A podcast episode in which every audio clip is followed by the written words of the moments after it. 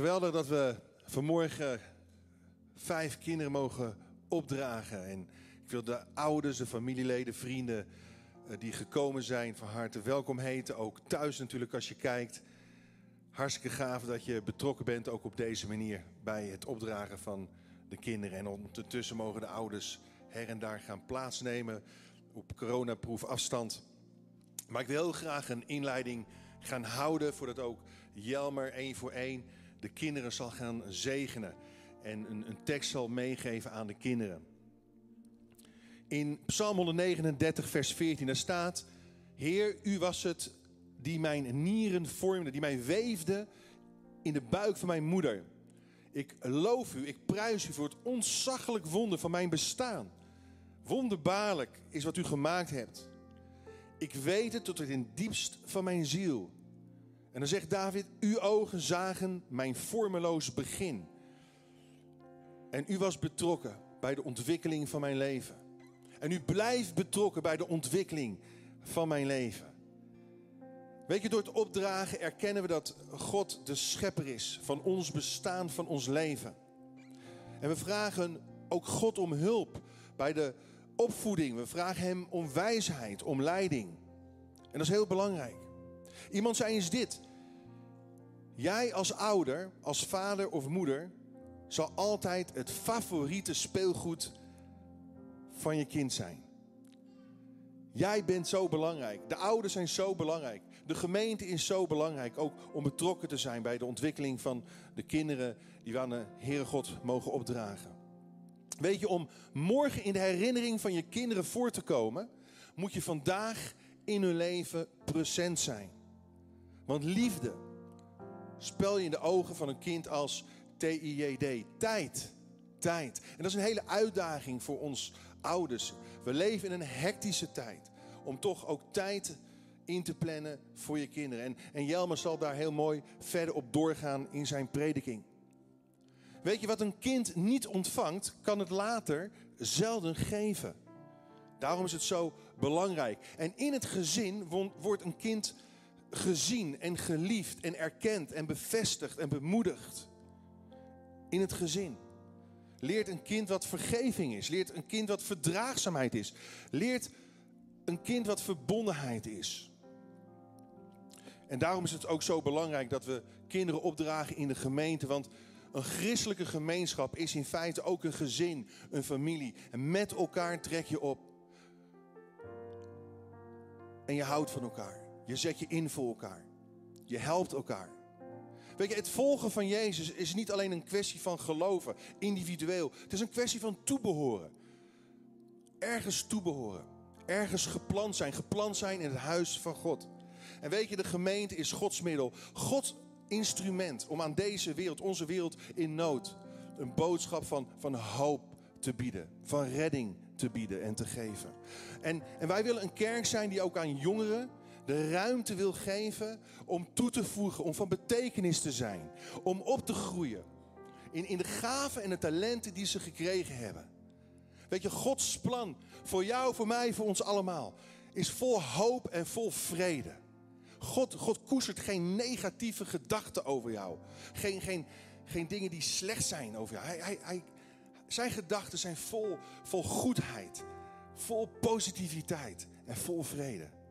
En dat geeft ook rust in ons leven.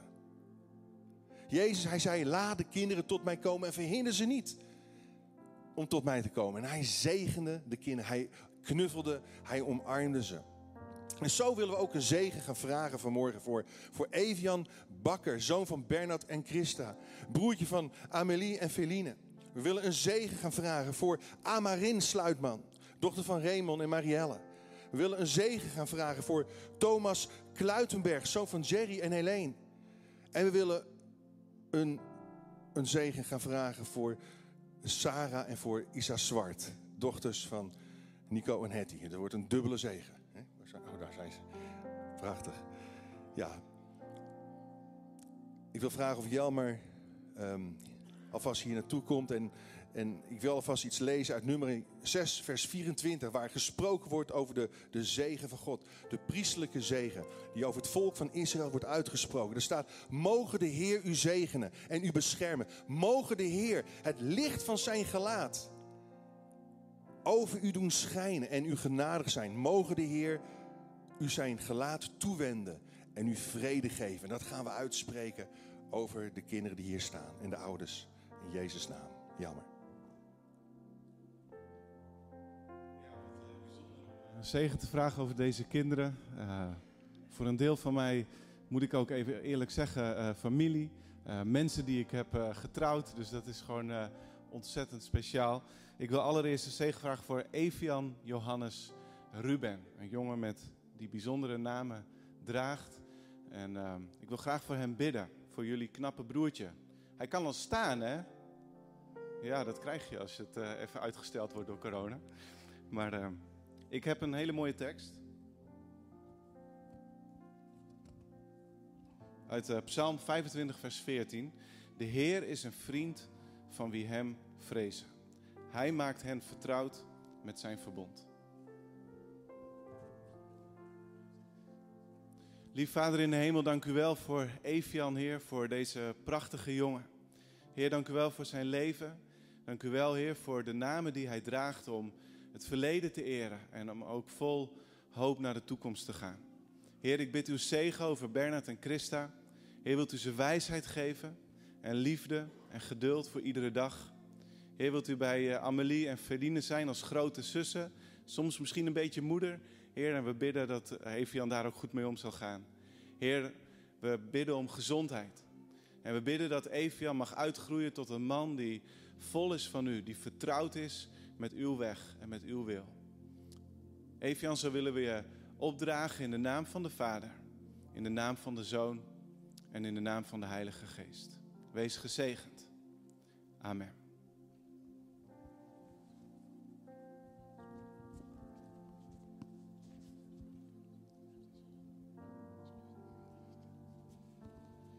En Thomas, Hendrik, yes, kerel. Mooi dat je hier bent. Zo ontzettend gegroeid vanaf de geboorte. Ongelooflijk. Was een heel klein hummeltje. Maar moet je eens kijken, wat, uh, wat een grote jongen. We hebben een tekst van hem uit uh, Psalm 61, vers 4 en 5. U, God, bent altijd mijn schuilplaats geweest. Een toren te sterk voor de vijand.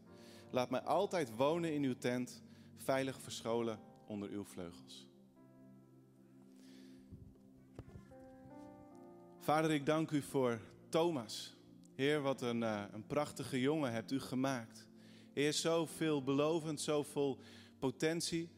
Heer, ik dank u wel dat uw hand in zijn leven is, van jongs af aan.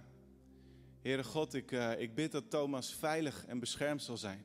Dat u zijn schuilplaats bent, dat zijn ouders een schuilplaats zullen zijn.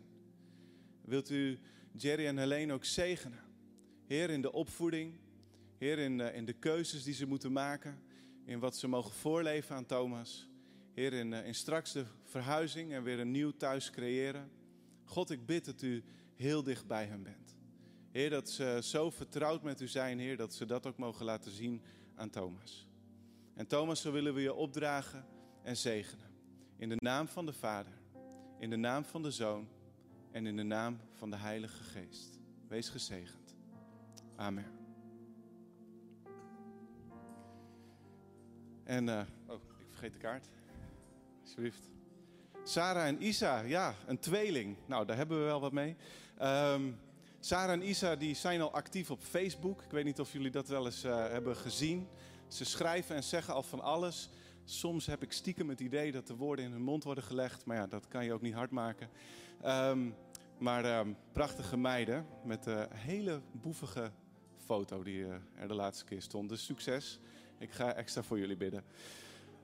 Vader in de hemel, dank u wel voor uh, Sarah en Isa. Heer, um, ja, als we denken aan hun namen en de betekenis, Heer, de, de rol die ze hebben gespeeld in de Bijbel, Heer, de naam die ze, die ze dragen, Heer, dan, ja, dan, dan kijken we met, met hoop en verwachting. Heer, we danken u wel dat ze ja, samen mogen opgroeien, Heer, bij fantastische ouders. Heer, we danken u dat ze ook allebei hun eigen unieke rol en, en identiteit mogen vinden. Heer, dat ze elkaar mogen versterken. Heer, maar ook, uh, ja, ook hun eigen weg mogen gaan in het leven met u. Heer, we bidden om, uh, om gezondheid. We bidden dat ze u zullen leren kennen. En we bidden ook om uw kracht en uw geduld, uw liefde voor Nico en Hetty, Heer, om ouders te zijn die hen meenemen en vertrouwd maken met u. Heer, uh, wilt u altijd met hen meegaan. En uh, Sarah en Isa, we willen jullie opdragen, we willen jullie zegenen. In de naam van de Vader, in de naam van de Zoon en in de naam van de Heilige Geest. Zijn naam is op jullie leven. Amen. En ik uh, lees de teksten nog even voor.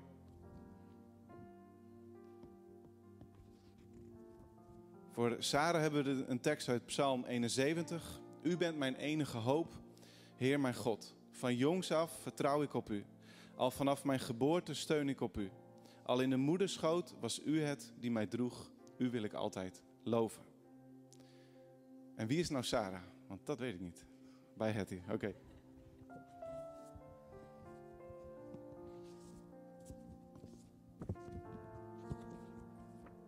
En Isa, een tekst uit Exodus 34, vers 6.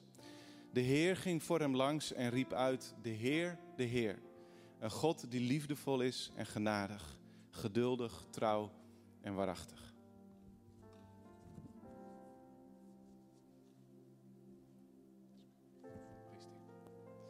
Yes. En Amarin. Want dat is de roepnaam, hè? Amarin, gewoon Amarin. Ja, al ook al een grote meid. hey, leuk je weer te zien. Eén keer eerder nog maar. Maar mooi om, uh, om haar nu weer hier te zien. Super. hey, we hebben een tekst voor haar uit Efeziërs 2, vers 7. En daar staat: Zo zal hij in de eeuwen die komen laten zien hoe overweldigend rijk zijn genade is. Hoe goed hij voor ons is door Christus Jezus. Sarah, of, oh, sorry, Amarin, we mogen voor je bidden. En deze tekst mag ook een, uh, een, bijzondere rol in je leven gaan spelen, geloof ik. Een tekst die spreekt over de genade van God. Uh, hij doet het voor jou. Hij heeft je op het oog. Hij heeft je gered. Hij wil je leven geven. En dat bidden we ook uit over Amarin. En dat bidden we ook over Raymond en Marielle. Heer, we bidden voor vrede en rust. God, we bidden om, uh, om het vertrouwen en het zelfvertrouwen dat ze nodig hebben om, om Amarin op te voeden. Om haar te zien groeien, te zien bloeien. Om haar in haar eigen gaven en talenten ja, een mooie dame te zien worden. En uh, ja, we willen jullie zegenen. Raymond en Marielle. En we willen jou zegenen en opdragen aan God, Amarin. In de naam van de Vader. In de naam van de Zoon. En in de naam van de Heilige Geest. Wees gezegend. Amen. Marielle die gaat ook een, een lied zingen met Abe, dus uh, daar mogen we naar luisteren en ons hart dat ook meezingen.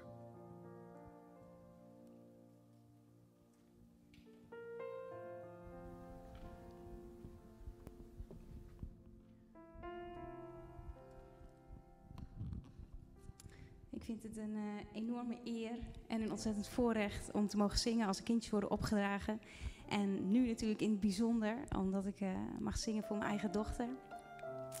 Ik heb een uh, lied gekozen wat um, rondom de geboorte van Amarin heel belangrijk voor mij werd. Um, en het gaat erover dat er momenten in je leven zijn die je eigenlijk wil vastpakken en in een doosje wil stoppen. Waarvan je wil dat ze eigenlijk niet voorbij gaan. Vandaag is eigenlijk ook weer zo'n moment, zo'n heel bijzonder moment waarin we onze kinderen aan God geven en um, laten weten dat Hij uh, hun eigenaar is eigenlijk, dat we voor ze mogen zorgen. En um, daarom wil ik dit lied graag zingen en ik hoop dat het ook voor jullie een emotie mag verwoorden die uh, zeker voor vandaag ook mag gelden.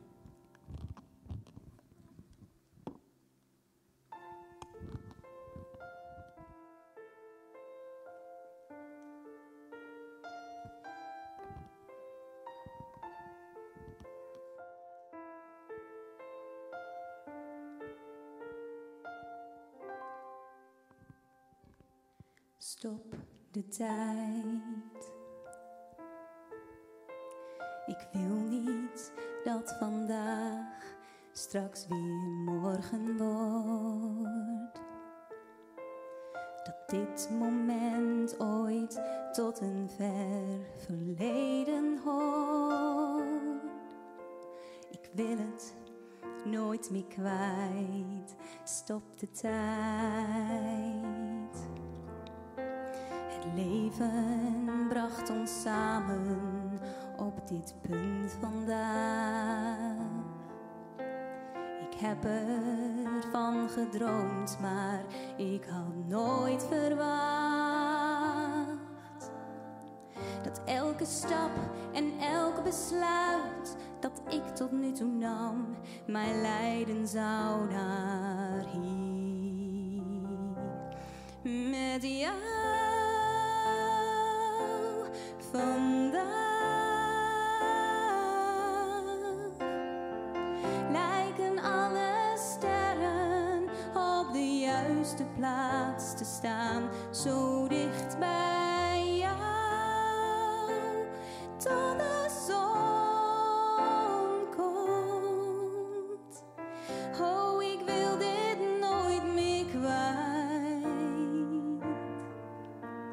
Stop de tijd vandaag.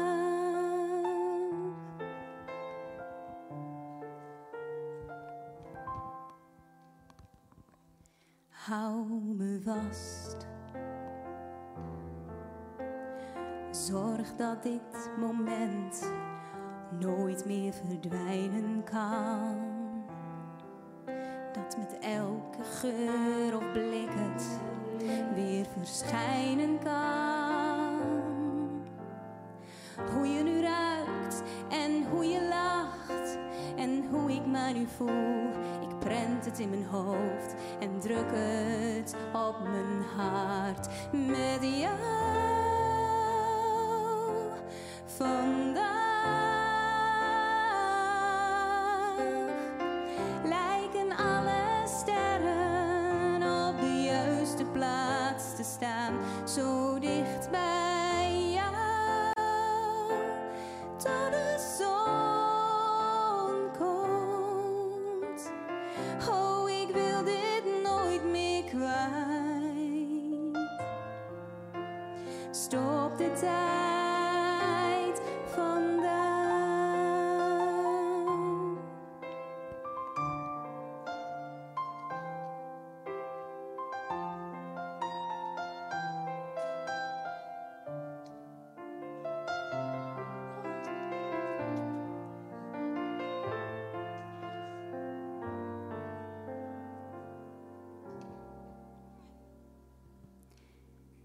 Kijk me aan.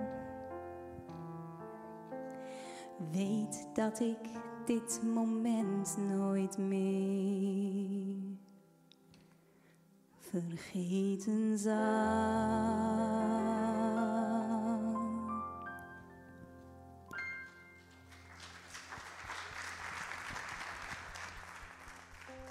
Prachtig.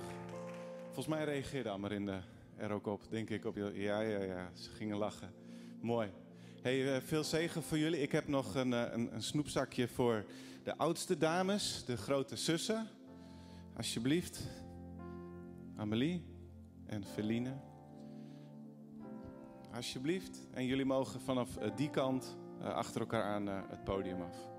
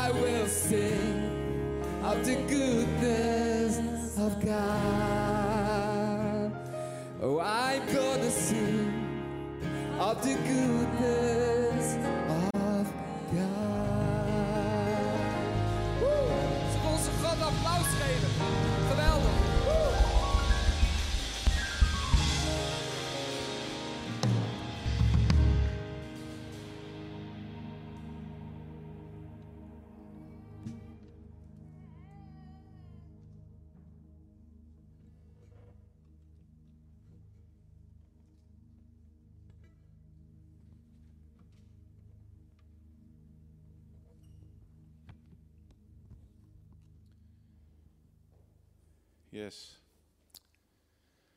Heidi, Heidi, je bent de allerbeste. Dank je, Sammy. Wat heb je daar voor iets grappigs? Niet lachen. Nu heb je alles verpest. Stomme Heidi. Wat? Wat? Wat heb ik nou verkeerd gedaan? Dat, dat zeg je toch niet? Dat zeggen we tegen niemand en dat zeg je niet tegen Heid. Sorry Heidi. Sorry Heidi, je bent de allerliefste. Mm, kus, knuffel. Ik schets even een halve minuut uit mijn leven, wat zich regelmatig herhaalt en wat echt letterlijk op die manier gaat. De, de schommelingen in het leven van een peuterpuber zijn soms onnavolgbaar.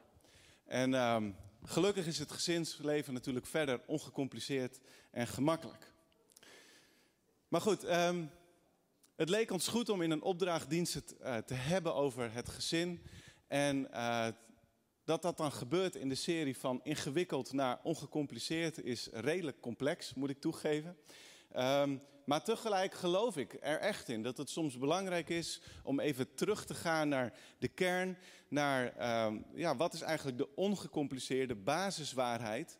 En dat geldt voor geven, relaties, waar we het afgelopen weken over hebben gehad. En dat geldt ook voor het gezin.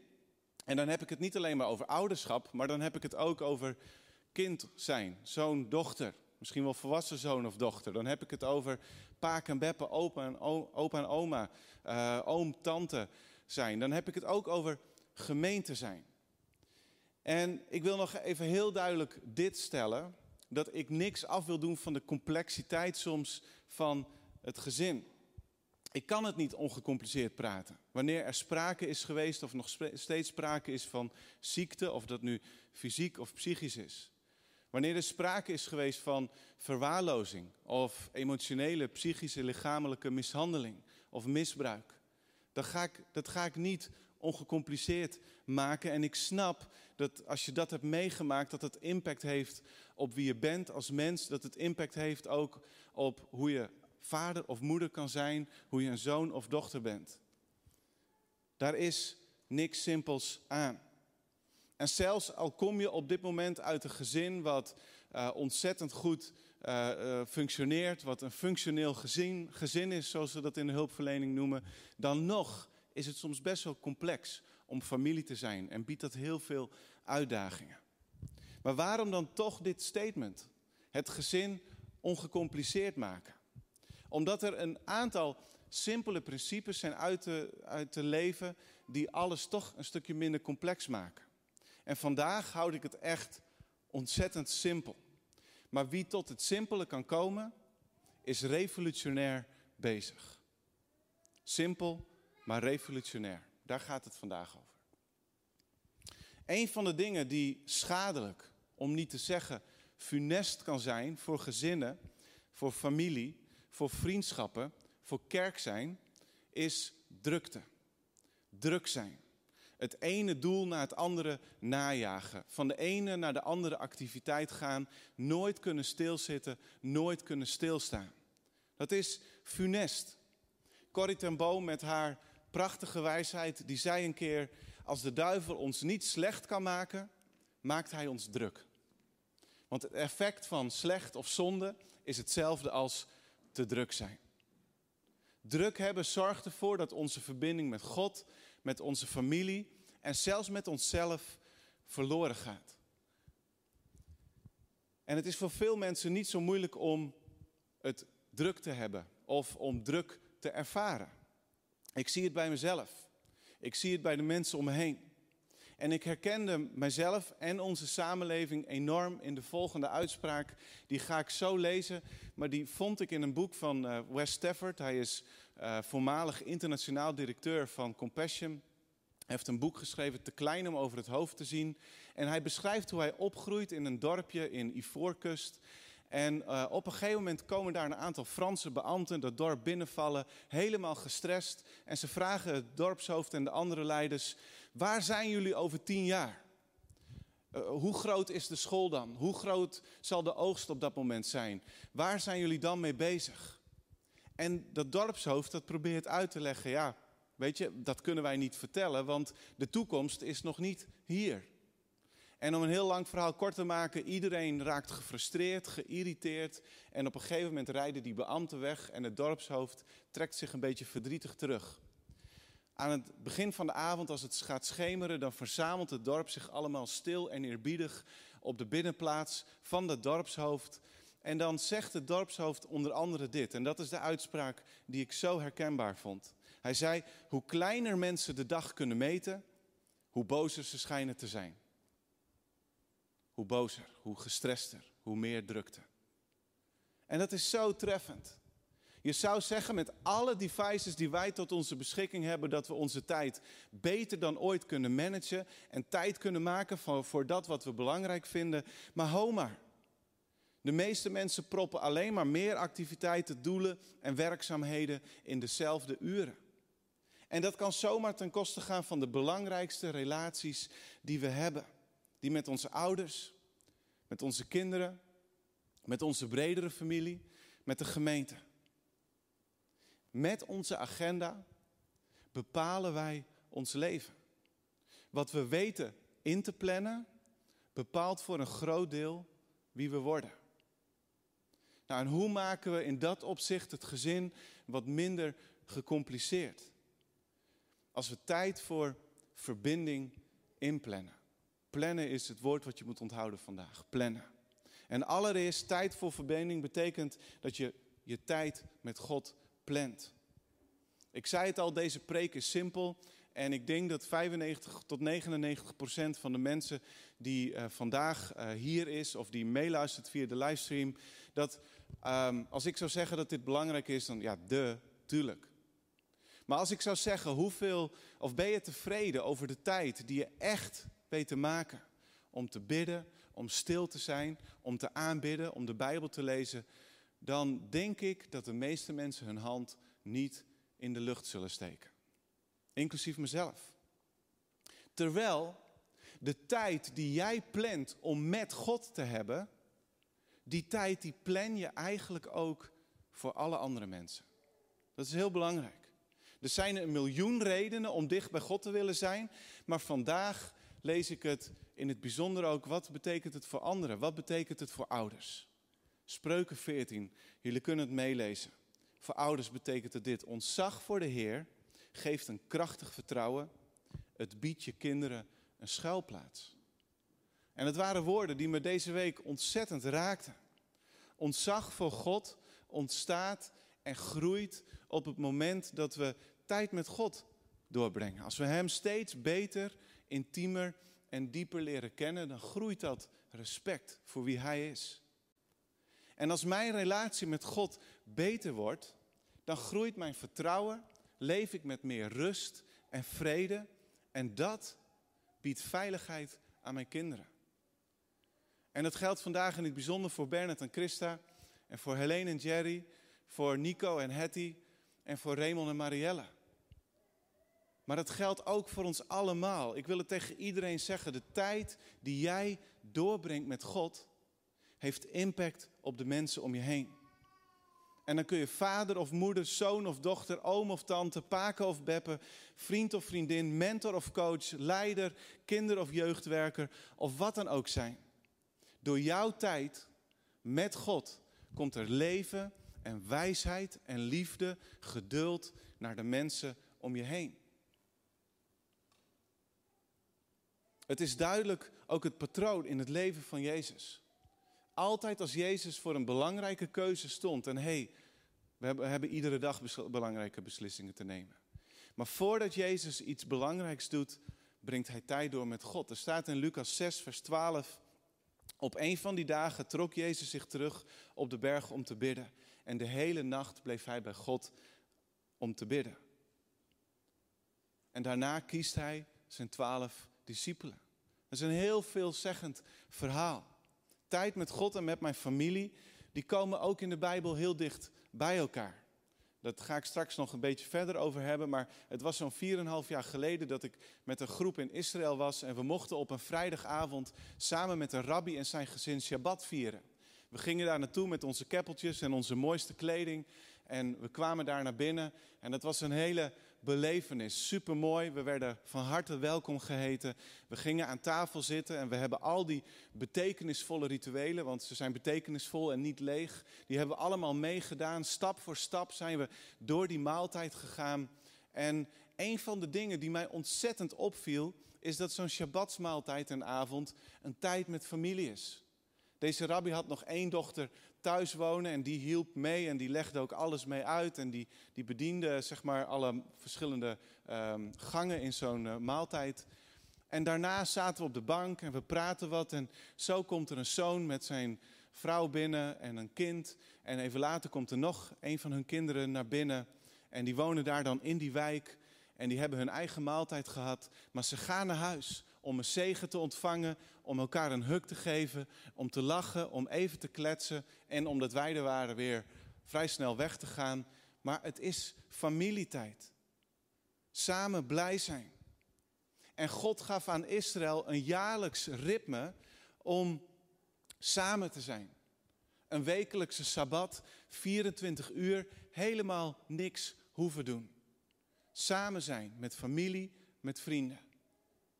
En hij gaf een aantal feesttijden, die soms een week duurden, soms een dag. Maar we lezen daarover in Leviticus 23. De Heer die zei tegen Mozes, zeg tegen de Israëlieten, dit zijn de hoogtijdagen van de Heer, die je als heilige dagen samen moet vieren. Dit zijn mijn hoogtijdagen. Zes dagen kun je werken, maar de zevende dag is het Sabbat. Een dag van volstrekte rust die je als heilige dag samen moet vieren. Je mag die dag geen enkele bezigheid verrichten. Waar je ook woont, het moet een rustdag zijn die aan de Heer is gewijd.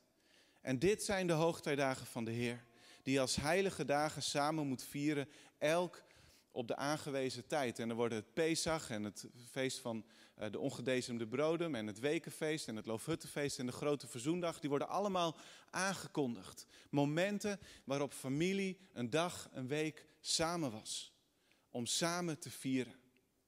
En dat brengt me ook bij het volgende punt. Plan je tijd met familie. Plan je tijd met familie. Vorige week heeft onze voorganger Nicola een fantastische preek gehad over eren. En um, eren is eigenlijk de levens, levenshouding waarbij we andere mensen op waarde schatten. We geven ze het gewicht die ze toekomt. En we laten dat ook zien in ons denken over hen, in ons spreken over hen, in ons handelen naar hen. Dat is eren. En de houding van eren leek me eigenlijk ook een mooie om voor deze preek te gebruiken. Omdat dat een woord is wat terugkomt waar het hele testament weer op teruggrijpt. En dat is het gebod. Eer je vader en je moeder.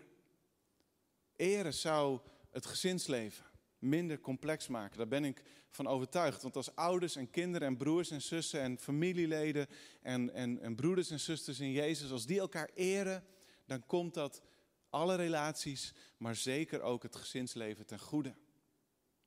En het komt dus uit de tien geboden.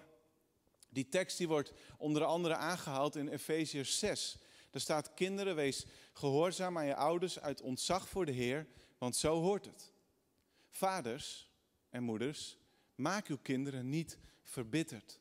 Maar vorm en vermaan hen bij het opvoeden zoals de Heer dat wil. En ik lees die beide versen 1 en 4 omdat ze een hele mooie balans aanbrengen. In tegenstelling tot wat sommige mensen denken En hoe het helaas soms ook in de kerkgeschiedenis wel eens is uitgelegd en toegepast door de ouders die eigenlijk de Bijbel uit haar verband citeerden en toepasten, die heeft de Bijbel het nooit over een machtsoverwicht van ouders over kinderen. Het heeft het wel over een gezagsoverwicht, maar niet over macht. De Bijbel heeft het ook nooit over ouders die over hun kinderen heersen. Maar het heeft het erover dat kinderen wel gehoorzaam zijn aan hun ouders en op die manier eer tonen. Het gewicht van ouders erkennen. Maar nooit is er sprake van macht of overheersing. En in feite zou je kunnen zeggen, roept Paulus ook ouders op om hun kinderen te eren.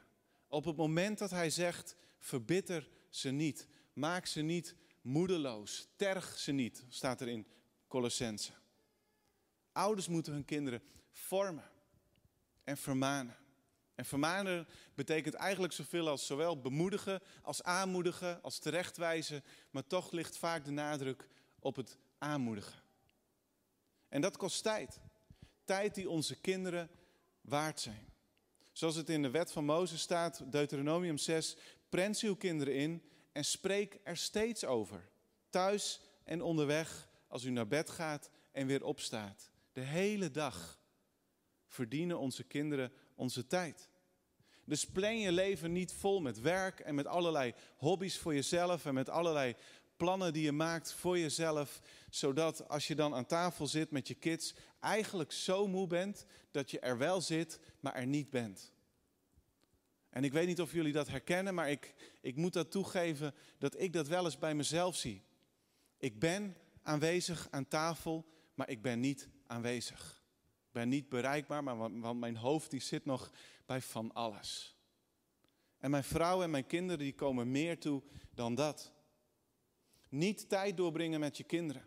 Niet de tijd nemen om tegen hun te praten, zelfs als ze baby zijn. Niet de tijd nemen voor hun vragen. Niet de tijd nemen om dingen uit te leggen, om eigenaardigheden van hun te begrijpen. Dat verbittert je kinderen. Dus plan tijd met je kinderen. En soms is dat 15 tot 30 minuten bij, bij het bed zitten en met hun de dag doornemen en vragen wat was goed, wat vond je leuk, wat vond je niet zo leuk, wat heb je meegemaakt, heb je ook vragen, zullen we samen bidden, waarvoor kunnen we bidden, wil je zelf bidden. Dat is zo kostbaar. Ga een half uur tot een uur aan tafel zitten om samen te eten, om, om je kinderen in de ogen te kijken, om elkaar in de ogen te kijken en, en met elkaar te lachen, te huilen. Om elkaar ook echt te leren begrijpen. En voor ouderen en voor kinderen en tieners is de telefoon daarbij soms zo'n gigantische afleiding. De telefoon is zo'n strijd. Wij proberen echt om die telefoon tijdens het eten niet te zien, weg te leggen. En het valt soms nog wel tegen. Maar ik wil gewoon echt tegen iedereen zeggen dat geen enkele like of comment op je dansje of foto op een van je social media kan opwegen tegen een goed gesprek met je gezin. Dat is veel beter. Dat is veel beter. Dus plan tijd met je kinderen. Plan ook tijd met je geestelijke kinderen. Met mensen die God aan jou heeft gegeven om te, in te investeren. Jezus deed dat ontzettend veel. Lucas 9 bijvoorbeeld. Er staat toen Jezus um, eens aan het bidden was en alleen de leerlingen bij hem waren, stelde hij hun de vraag: Wie zeggen de mensen dat ik ben? En er ontstaat een heel gesprek. En de opperrabijn Jacobs, die stond van de week uh, op, op CIP. En het was ontzettend mooi. Hij zei, in de Joodse leer worden ook leerlingen nakomelingen genoemd. En een leerling hoeft ook niet per se een echte leerling te zijn aan wie de leraar dagelijks les geeft. Ook als ik een medemens op de een of andere manier ten goede kan beïnvloeden, dan heb ik een nakomeling op deze aarde neergezet. Ik ben zijn geestelijke vader geworden. Dus als je jong volwassen bent, volwassen, zelf al ouder, plan tijd. Investeer in andere mensen. Plan tijd ook met je eigen ouders en, en grootouders. Met de mensen die jou zijn voorgegaan. Daar heb ik zelf ook nog wel eens wat in te leren. En ik haal dat principe, en ik kan, ik kan daar verder niet, niet heel veel over zeggen, maar ik haal dat principe uit 1 Timotheus 5. Daar staat heel mooi, als een weduwe kinderen of kleinkinderen heeft, moeten die godvruchtig voor haar huishouding zorgen. Zo betalen ze hun voorouders terug. En dat is God welgevallig. Dat is mooi. Om terug te investeren in jouw ouders, grootouders, andere mensen. Ten derde, plan je tijd voor jezelf. En ik ga het heel kort houden. Maar tijd voor jezelf komt ten goede ook aan de mensen om je heen. Zoals het bekende stukje samenvatting van de wet luidt. En um, ik lees hem even uit Matthäus 22. Het tweede gebod daaraan gelijk is: heb je naaste lief als jezelf. Op het moment dat je jezelf niet kunt liefhebben, op het moment dat je niet goed voor jezelf zorgt, kun je ook niet voor andere mensen om je heen zorgen. En dan is het ook moeilijker om in het moment te zijn, wanneer je jezelf verwaarloost. Ik heb dat zelf al een aantal keren in mijn leven moeten leren. Een paar keer opnieuw, omdat op het moment dat het leven verandert, um, ook eigenlijk alles verandert. En dingen die ik al lang wist, dat ik die toch weer opnieuw moet leren. Ik ben het afgelopen jaar een aantal keren ook bij een psycholoog geweest om het onder andere daarover te hebben. Dat was een van, van de dingen die naar voren kwam. Dat, dat ik niet voldoende tijd kan nemen en mezelf gun om op te laden. Om rust te nemen. Om gewoon even te zijn en mijn eigen ding te doen. Terwijl ik ergens wel wist natuurlijk dat ik daardoor een betere man, een betere vader, een betere vriend, een betere zoon enzovoort kan zijn. Maar het lukte niet meer door de veranderingen in het leven. Maar het is zo ontzettend belangrijk om dat te doen, om daarin te investeren, om op te laden en voor jezelf te weten hoe doe ik dat het beste. Het laatste punt. Plan je tijd met de gemeente. Nicolaas zei het al zo mooi bij het opdragen. Dat we als gemeente ook een gezin willen zijn. Er staat in 1 Petrus 3, vers 8. Tot slot vraag ik u. Wees allen eensgezind. Leef met elkaar mee. Heb elkaar lief als broers en zussen. Wees barmhartig en wees bereid om de minste te zijn. Voor iedereen.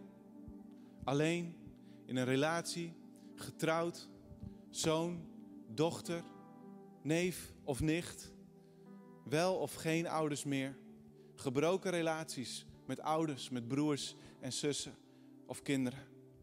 Voor iedereen wil en mag de gemeente een familie zijn. Soms in plaats van hoe het zou moeten zijn. Maar we willen een gezin zijn. En je bent welkom om te komen zoals je bent. Het maakt ons echt niet uit wat je hebt meegemaakt, wat je hebt gedaan, of hoe je je kleedt of hoe je eruit ziet. Je bent welkom, omdat je bij God de Vader welkom bent. En ook dit is geen perfecte familie. Ook dit is een familie waar je soms builen en, en schrammen oploopt. Maar we willen het wel zijn. Een gezin. Voor Evian, voor Amarin, voor Thomas, voor Sarah en Isa. Voor de zussen, voor hun ouders. Voor iedereen die hier is vandaag, die meekijkt. We willen een familie zijn. Of je nu hier komt voor je studie, als vluchteling, als student, als iemand die hier tijdelijk werkt of die hier voor langere tijd werkt. Of als je een ras-echte Fries bent, een eeuwige Leeuwarder en je gaat hier nooit meer weg. We zijn samen familie. En dat willen we uitleven. Maar plannen is daarin het sleutelwoord. Alleen door te plannen maak je tijd en ruimte in je leven voor je gezin, je familie, je gemeentegezin. Voor alles wat belangrijk is. Voor alles wie belangrijk zijn. Met wie wil jij meer tijd inplannen? Wat moet een, een eerste plek in je agenda krijgen voordat het zich vult met al het andere? Wat moet een plek uit je agenda krijgen? Omdat andere dingen veel en veel wezenlijker en belangrijker zijn. Zullen we met elkaar bidden? Lieve Vader God, dank u wel voor deze dag dat we mogen stilstaan bij gezinnen, bij ouders, bij kinderen. Heer, maar ook bij een geestelijke familie zijn, een geestelijk gezin. Broers en zussen in u, vrienden die anderen omhelzen, opa's en oma's die, die steunend en aanmoedigend en biddend aanwezig zijn. Ooms en tantes, oppassers, leiders, connectgroepleiders, kinderwerkers. Heer, eigenlijk hebben we het over iedereen. Als we beseffen, Heer, dat u ons tijd hebt gegeven. En dat we de verantwoordelijkheid mogen nemen om die tijd goed in te vullen. God, ik bid dat u ons de moed geeft om de juiste keuzes te maken. Ik bid, Heer, dat u op de allereerste plek komt.